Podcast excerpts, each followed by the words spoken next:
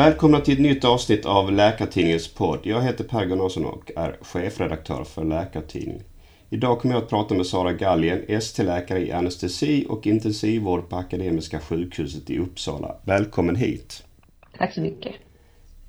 Jag har bjudit in dig för att du är en av många läkare som nu arbetar med covid-19 patienter. Först vill jag fråga om en sak som uppmärksammats nyligen. Att antalet intensivvårdare ökat hos er.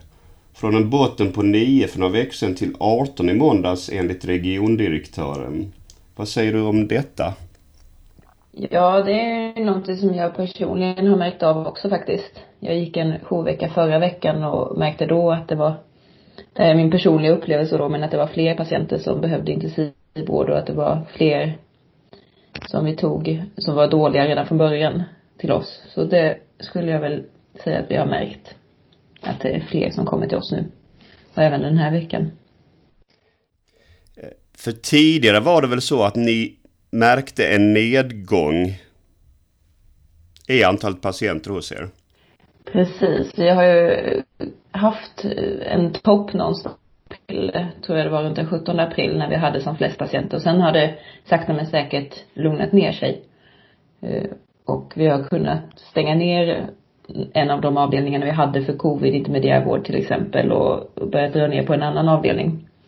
Så det var liksom på gång att fortsätta dra ner vad jag förstått på cheferna men nu två veckor i alla fall att vi har fått bromsa den nedtrappningen lite på grund av att det har varit ett ökat behov så som jag har märkt i alla fall. Vad gör ni nu för bedömning av hur det kommer att utvecklas den närmaste tiden? Jag har lite svårt att svara på det. Det är ju cheferna som sitter på den där prognostiseringen. Men vad jag har förstått så försöker man väl ha lite beredskap för att det skulle kunna bli mer. Och, och göra lite plan B eller vad man ska kalla det för.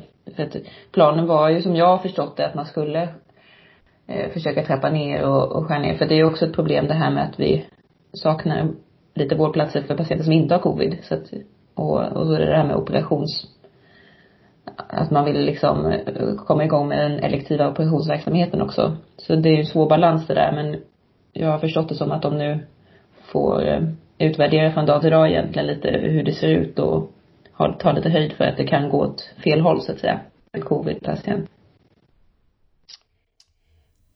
Du, om vi backar lite och frågar lite om dig själv. Hur har din läkarkarriär sett ut så här långt? Ja, jag tog examen från Uppsala universitet 2016. Och då hade jag vickat lite på medicinkliniken i Gävle. Och då flyttade jag till Nyköping och hade ett vikariat på kirurgkliniken innan AT och så gjorde jag AT i Nyköping. Eh, 2017 till 2018. Och sen fick jag faktiskt en ST-tjänst direkt då. Det var det här jobbet jag, jag ville ha. Så då var jag väldigt glad. Och då började jag min ST på Anopiva Akademiska eh, i februari 2019. Så då hade du jobbat ungefär ett år när pandemin kom till er i Uppsala? Ja, lite drygt ja. Vad var dina första tankar när covid-19 kom till er och du förstod vad ni skulle börja jobba med?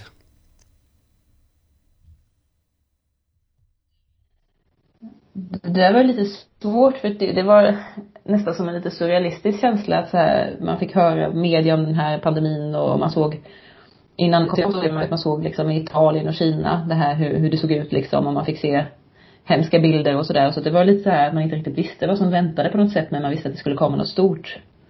Så det var ju väntans tider på något sätt. Så jag kommer ihåg de här veckorna innan vi fick vår första intensivvårdspatient att man nästan bara gick, som gick och väntade på att det skulle dyka upp. Så det var en väldigt speciell känsla. Men så började det ju trilla in och så kom man igång och sen så blev det på något sätt vardag. Så, ja. En annorlunda vardag får man väl då säga för er del ge sig jämfört med tidigare. Ja, verkligen. Eh, jag har ju, jag eh, har ju varit på anestesin endast, alltså på operation, mitt första år. Och var planerad att börja på intensivvården, en placering där då, i eh, mars. Så jag hann ju bara med ett par fåtal veckor med vanlig intensivvård, om man ska kalla det det, innan det här drog igång. Och den förändringen har ju verkligen varit stor. Från att gå från den ordinarie verksamheten som sektionen är van vid att, att ha till det här med covid. Så det har varit väldigt spännande att få vara med om själva skiftet och liksom anpassningen av verksamheten och det har ju ändrats från vecka till vecka. Egentligen efter behov. Vad har så här långt gjort mest intryck på dig i det som du arbetar med nu? Ja, det...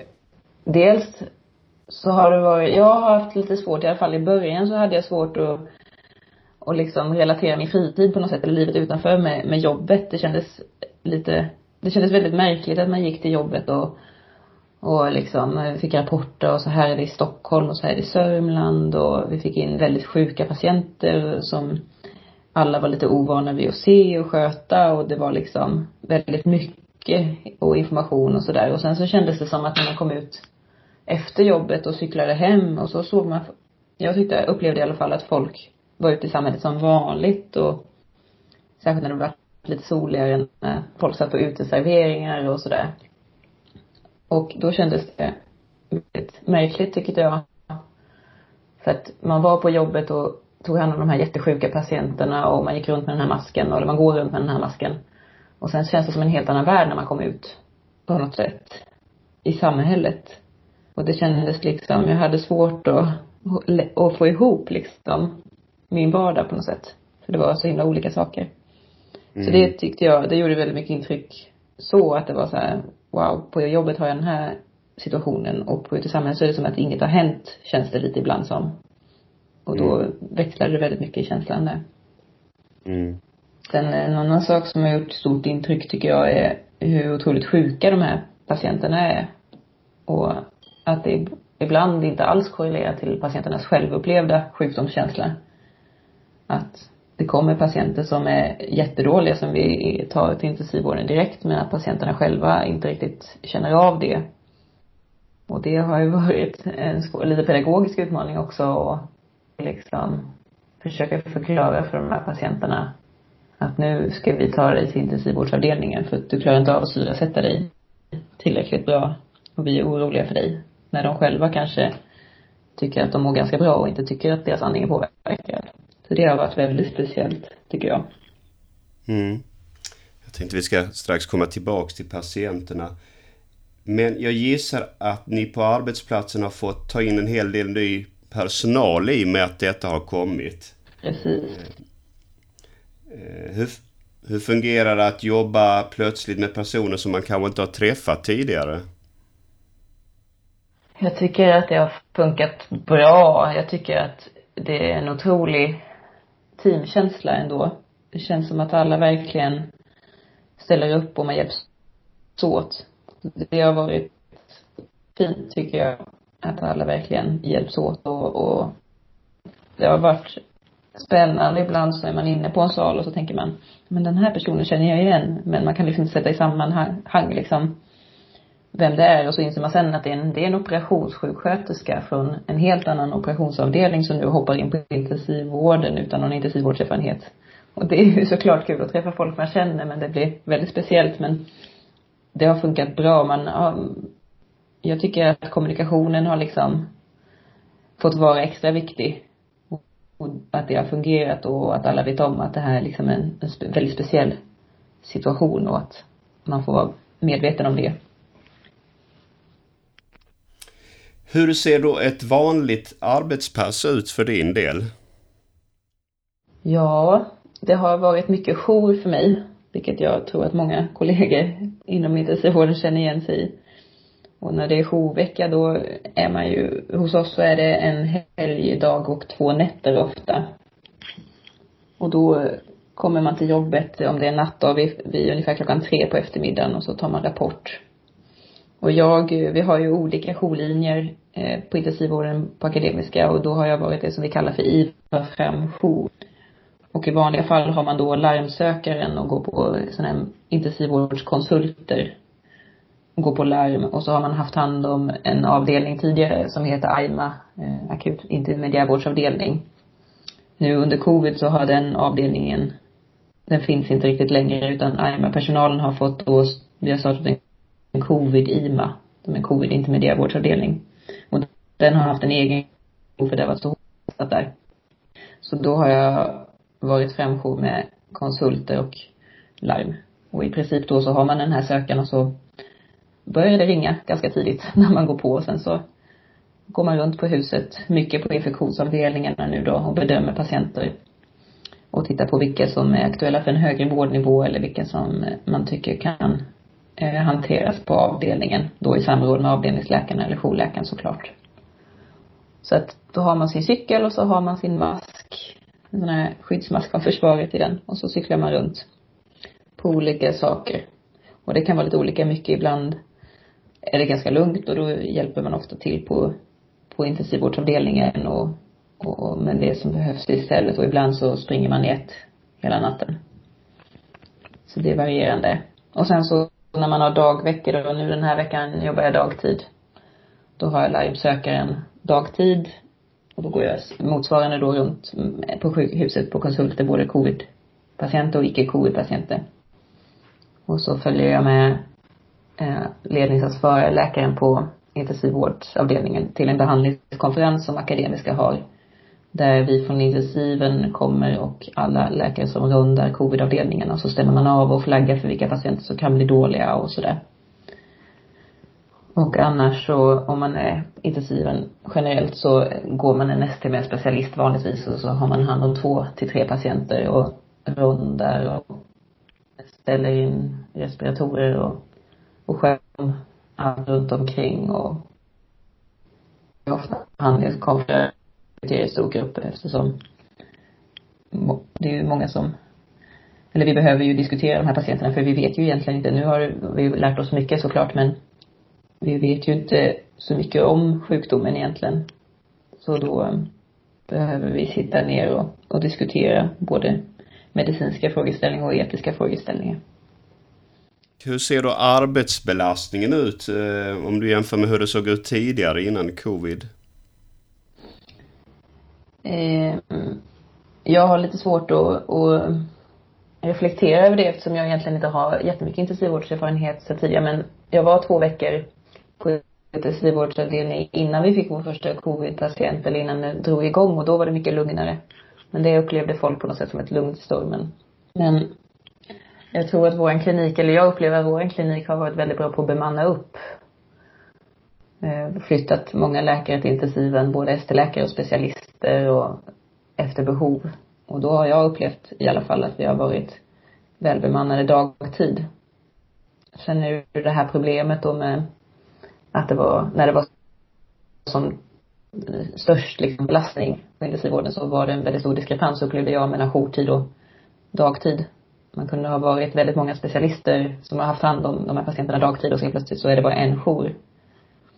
Och det blev en stor skillnad för de vart ju inte mindre sjuka patienterna bara för att det blev jourtid. Så det var nog väldigt belastande framförallt för specialisterna som hade det yttersta ansvaret i intensivvårdsavdelningarna. Och det är korrelation, eller i samband då med att många av oss som var nyinskolade i framjourslinjen var inte jätteerfarna och det är många som har fått komma dit tidigare för, för att liksom täcka den här jourlinjen också. Så det var väldigt belastande då, skulle jag tänka mig, för specialisterna jourtid. Du var inne på det här med behovet av skyddsutrustning. Har det fungerat hos er? Jag upplever det. Jag, jag personligen har aldrig haft svårt att få skyddsutrustning. Det har liksom funnits. Det kan, i början var det ju såklart så att man inte riktigt visste vad som gällde och det ändrades från dag till dag kändes det som och då visste man inte riktigt, okej okay, ska jag ha skyddsutrustning på den här patienten bara för att det är ett akut larm? Finns det covid-misstanke? Ska vi ha eller ska vi inte ha? Men sen tycker jag att det där ordnat upp sig och fungerar bra faktiskt. Vi har fått sådana här personliga skyddsmasker som har lånat från försvaret som man har med sig och sen tycker jag att det har funnits förkläde och handskar och sådär. Så jag upplever inte det personligen som att det var något problem för mig. Vad tycker du är den stora utmaningen med att jobba med eh, den här sjukdomen? Jag tycker nog att kommunikationen med patienter och anhöriga är en stor utmaning. Eh, med patienterna så eh, känner man sig ofta väldigt otillräcklig, upplever jag själv i alla fall. Man har den här masken på sig och det hörs lite dåligt och man skriker nästan och ja men ofta finns det ju patienter som är, det finns ju tyvärr de som är ganska unga och friska som vi tar till intensiven. Men, och det går ju ofta bra att kommunicera och så berättar man och så får de komma dit men det blir ofta konsulter, det finns ju väldigt många som är gamla och sköra där vissa intensivvårdsinsatser inte är aktuella av olika anledningar. Och då kan det vara så att vi tar dem till intermediärvårdsavdelningen för vissa insatser, men inte invasiv respiratorbehandling. Eller så säger vi att nej men vi tror inte att det finns, att patienten skulle gagnas av de insatserna vi erbjuder. Och att prata med patienter som ibland kan vara helt klara och liksom vakna om det här med en mask känns väldigt svårt, tycker jag. Eh, man känner sig inte, man känner sig lite otillräcklig i sin kommunikation.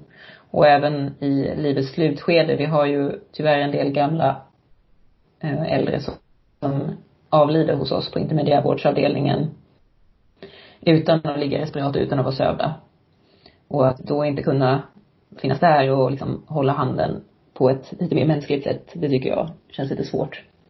Och det knyter också an till det här med anhöriga då, att anhöriga inte kan vara inne och träffa sina sina anhöriga då, sina, alltså patienterna. De får ju komma in när vi tror att det närmar sig slutet men innan dess så är det ju många som är väldigt oroliga och vi försöker ringa varje dag men det är inte alls samma sak som att få prata på plats och att de får vara med och sådär. Så att den delen tycker jag har varit utmanande. Hur man ska sköta en, en fin relation så med de här människorna. Mm. Går det att hitta några vägar där man försöker att göra det så bra som möjligt trots att det är en väldigt svår situation? Det tycker jag ändå att vi försöker. Det...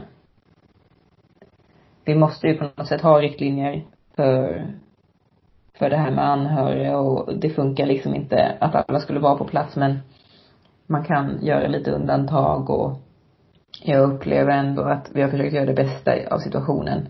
Särskilt för de patienterna där vi märker att det skulle vara viktigt också för patientens medicinska tillstånd om en anhörig var där. Vi har haft en del patienter som är väldigt oroliga och konfusoriska. Där jag upplever att det har varit värdefullt att ha en anhörig på plats med en bekant röst och sådär. Så att vi försöker, men det, det är också svårt. Det är också svårt med de här äldre som som är jättedåliga och som vi inte tror kommer klara det. Och så är anhöriga själva i riskgrupp och vågar inte komma in. Och det är ju jättehemskt. Tycker jag att man inte kan säga hej då för att man är rädd för att själv själv inte klara det, så att säga. Mm. Det är ju en etiskt väldigt svår situation. Ja. Att hantera. Precis. Det tycker jag. En annan svår etisk situation som läkare har berättat om det är ju det här att man kan ställas inför att vårda människor man känner i den här situationen. Har ni behövt hantera det hos er också? Inte mig veterligen. Men eh, det kan säkert hända. Vi har ju haft en del vårdpersonal som har insjuknat. Eh, ingen som jag har känt personligen men det kan säkert hända att, att det är någon som har fått vårda någon de känner. Och det är ju såklart också supertungt i så fall. Det är ju väldigt speciellt. Men jag har tack och lov inte behövt vara med om det. Eh, en annan fråga. Eh, har du varit orolig ibland för att själv bli sjuk? Egentligen inte tror jag jag som får återkoppla till det jag innan om skyddsutrustningen så upplever jag att jag har haft adekvat skydd. Och att det har funnits bra rutiner ändå. Även om det har varit osäkert i början innan man riktigt visste eller hade bestämt sig, kom nya bud och sådär. Men jag, jag är nog inte orolig för att bli smittad på jobbet om man säger så. För där tycker jag att det finns bra rutiner. Sen så ute i samhället kan det ju vara en annan sak. Jag skulle nog vara mer orolig för att få det där på något sätt. Särskilt när folk kanske inte håller det här med social distansering och, och så. Men nej, jag skulle inte säga att jag har varit orolig för egen del. Faktiskt. Det här eh, som vi är inne i just nu kan ju hålla på ganska länge till. Eh, vad tänker du kring det? Ja, det känns ju lite uppgivet. så, ja, när man tänker på att det kan hålla på så här. Men samtidigt så är man, eller jag är, det känns väl som att man är ganska inställd på att det här kommer liksom inte gå över så. Utan att det blir en väldigt långsam minskning i så fall. Jag tror att eh, många kollegor känner igen sig i bilden av att, eller jag tycker i alla fall att det, att det känns konstigt nu, särskilt nu liksom när det är så fint väder och folk verkligen, det känns som att, jag tycker att det känns som att folk har släppt lite på det här med distanseringen och tänkt att det, nu är det över och man har gått ut med att det minskar och så vidare. Men jag upplever inte det på jobbet just nu i alla fall. Då blir man väldigt frustrerad när man ser att folk sitter på uteserveringarna och sådär. För att då känns det som, okej, okay, men vi ska ju fortsätta jobba med det här och jag tycker att folk förtjänar att få semester efter den här våren. Folk har jobbat jättehårt och då känns det lite tråkigt och tungt liksom att det ser ut att fortsätta i samma takt. Mm. Och sen så är jag lite orolig för belastningen generellt för mina kollegor framöver för att även om covid skulle minska då har vi en massa operationsköer att ta ikapp och den övriga vården som inte har kunnat sköta ordinarie mottagningsverksamhet. Det, det kommer ta lång tid innan vården återhämtar sig på något sätt och särskilt eftersom det redan sedan tidigare var en väldigt belastad sjukvård med otillräckliga resurser. Så jag hoppas att politikerna förstår det. Mm. det. Det är som du säger, mycket talar för att det kommer vara mycket arbete långt framåt i tiden också. Hur ser det ut hos er? Får ni någon semester under de närmaste månaderna eller skjuts den framåt för er del? Eh, det har varit en stor översyn över semestrarna hos oss nu nyligen. Eh, där visst, man har erbjudits då eh, ersättning om man har möjlighet att flytta någon vecka till i höst och sådär. Om man inte, om man kan tänka sig att avstå de här fyra veckornas sammanhängande semester. Men det, det där är ju lite beroende liksom på vad det finns för jourlinjer och vad det finns för behov och jag vågar inte säga nu och när jag har upplevt i alla fall att det har ökat så kan det ju kanske hända att det händer någonting. Att det inte blir översyn men jag får semester i alla fall fyra veckor så som det ser ut nu. Eh, mm. Och eh, de flesta av mina kollegor som jag har pratat med, ja men de flesta får liksom det som var sagt från början. Så att det verkar fungera just nu. Men som sagt, vi vet ju liksom inte. Det kan ju, skulle ju kunna bli en våg som är större. Bara inom kort. Mm.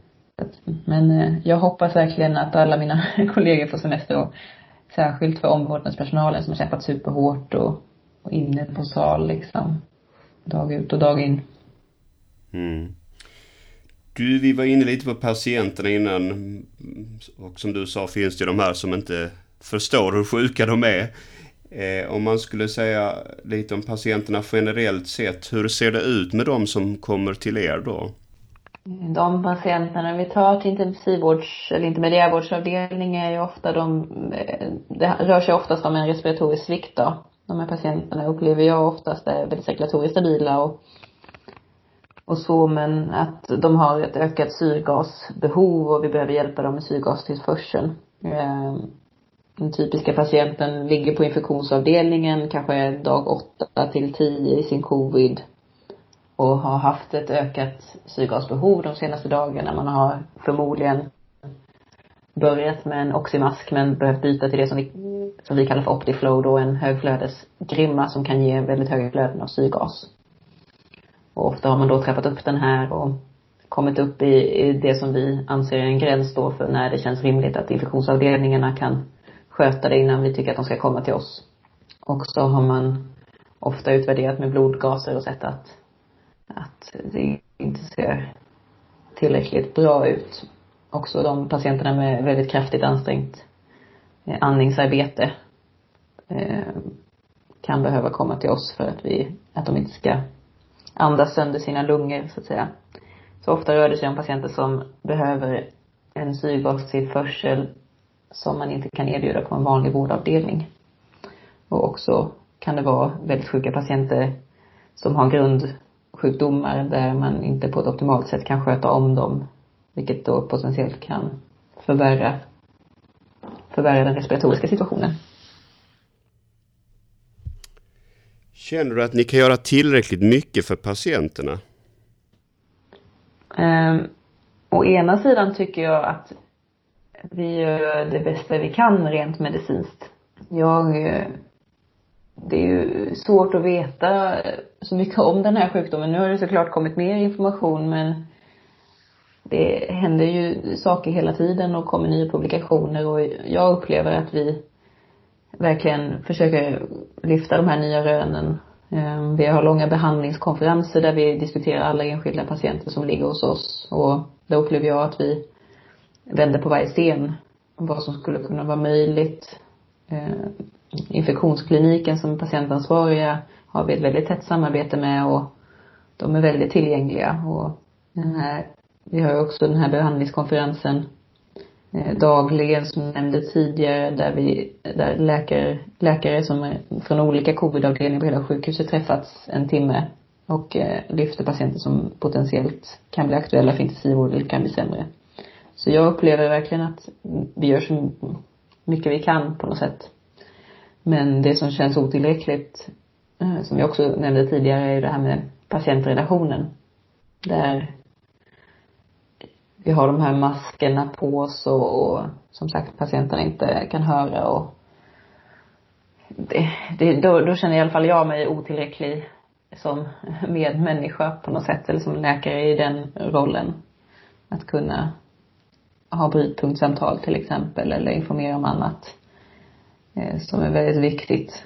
Och ibland känner man bara att man skulle vilja skita i allt och ta av sig masken för att kunna finnas där på ett lite bättre sätt. Men det går ju inte heller. Så då, där känner jag att, ja det är svårt. Mm, mm. Då är det dags att sluta och jag vill tacka dig för att du ville vara med. Jag ska säga att denna inspelning görs den 4 juni. Om ett tag kommer nästa avsnitt av denna podd. Hej så länge.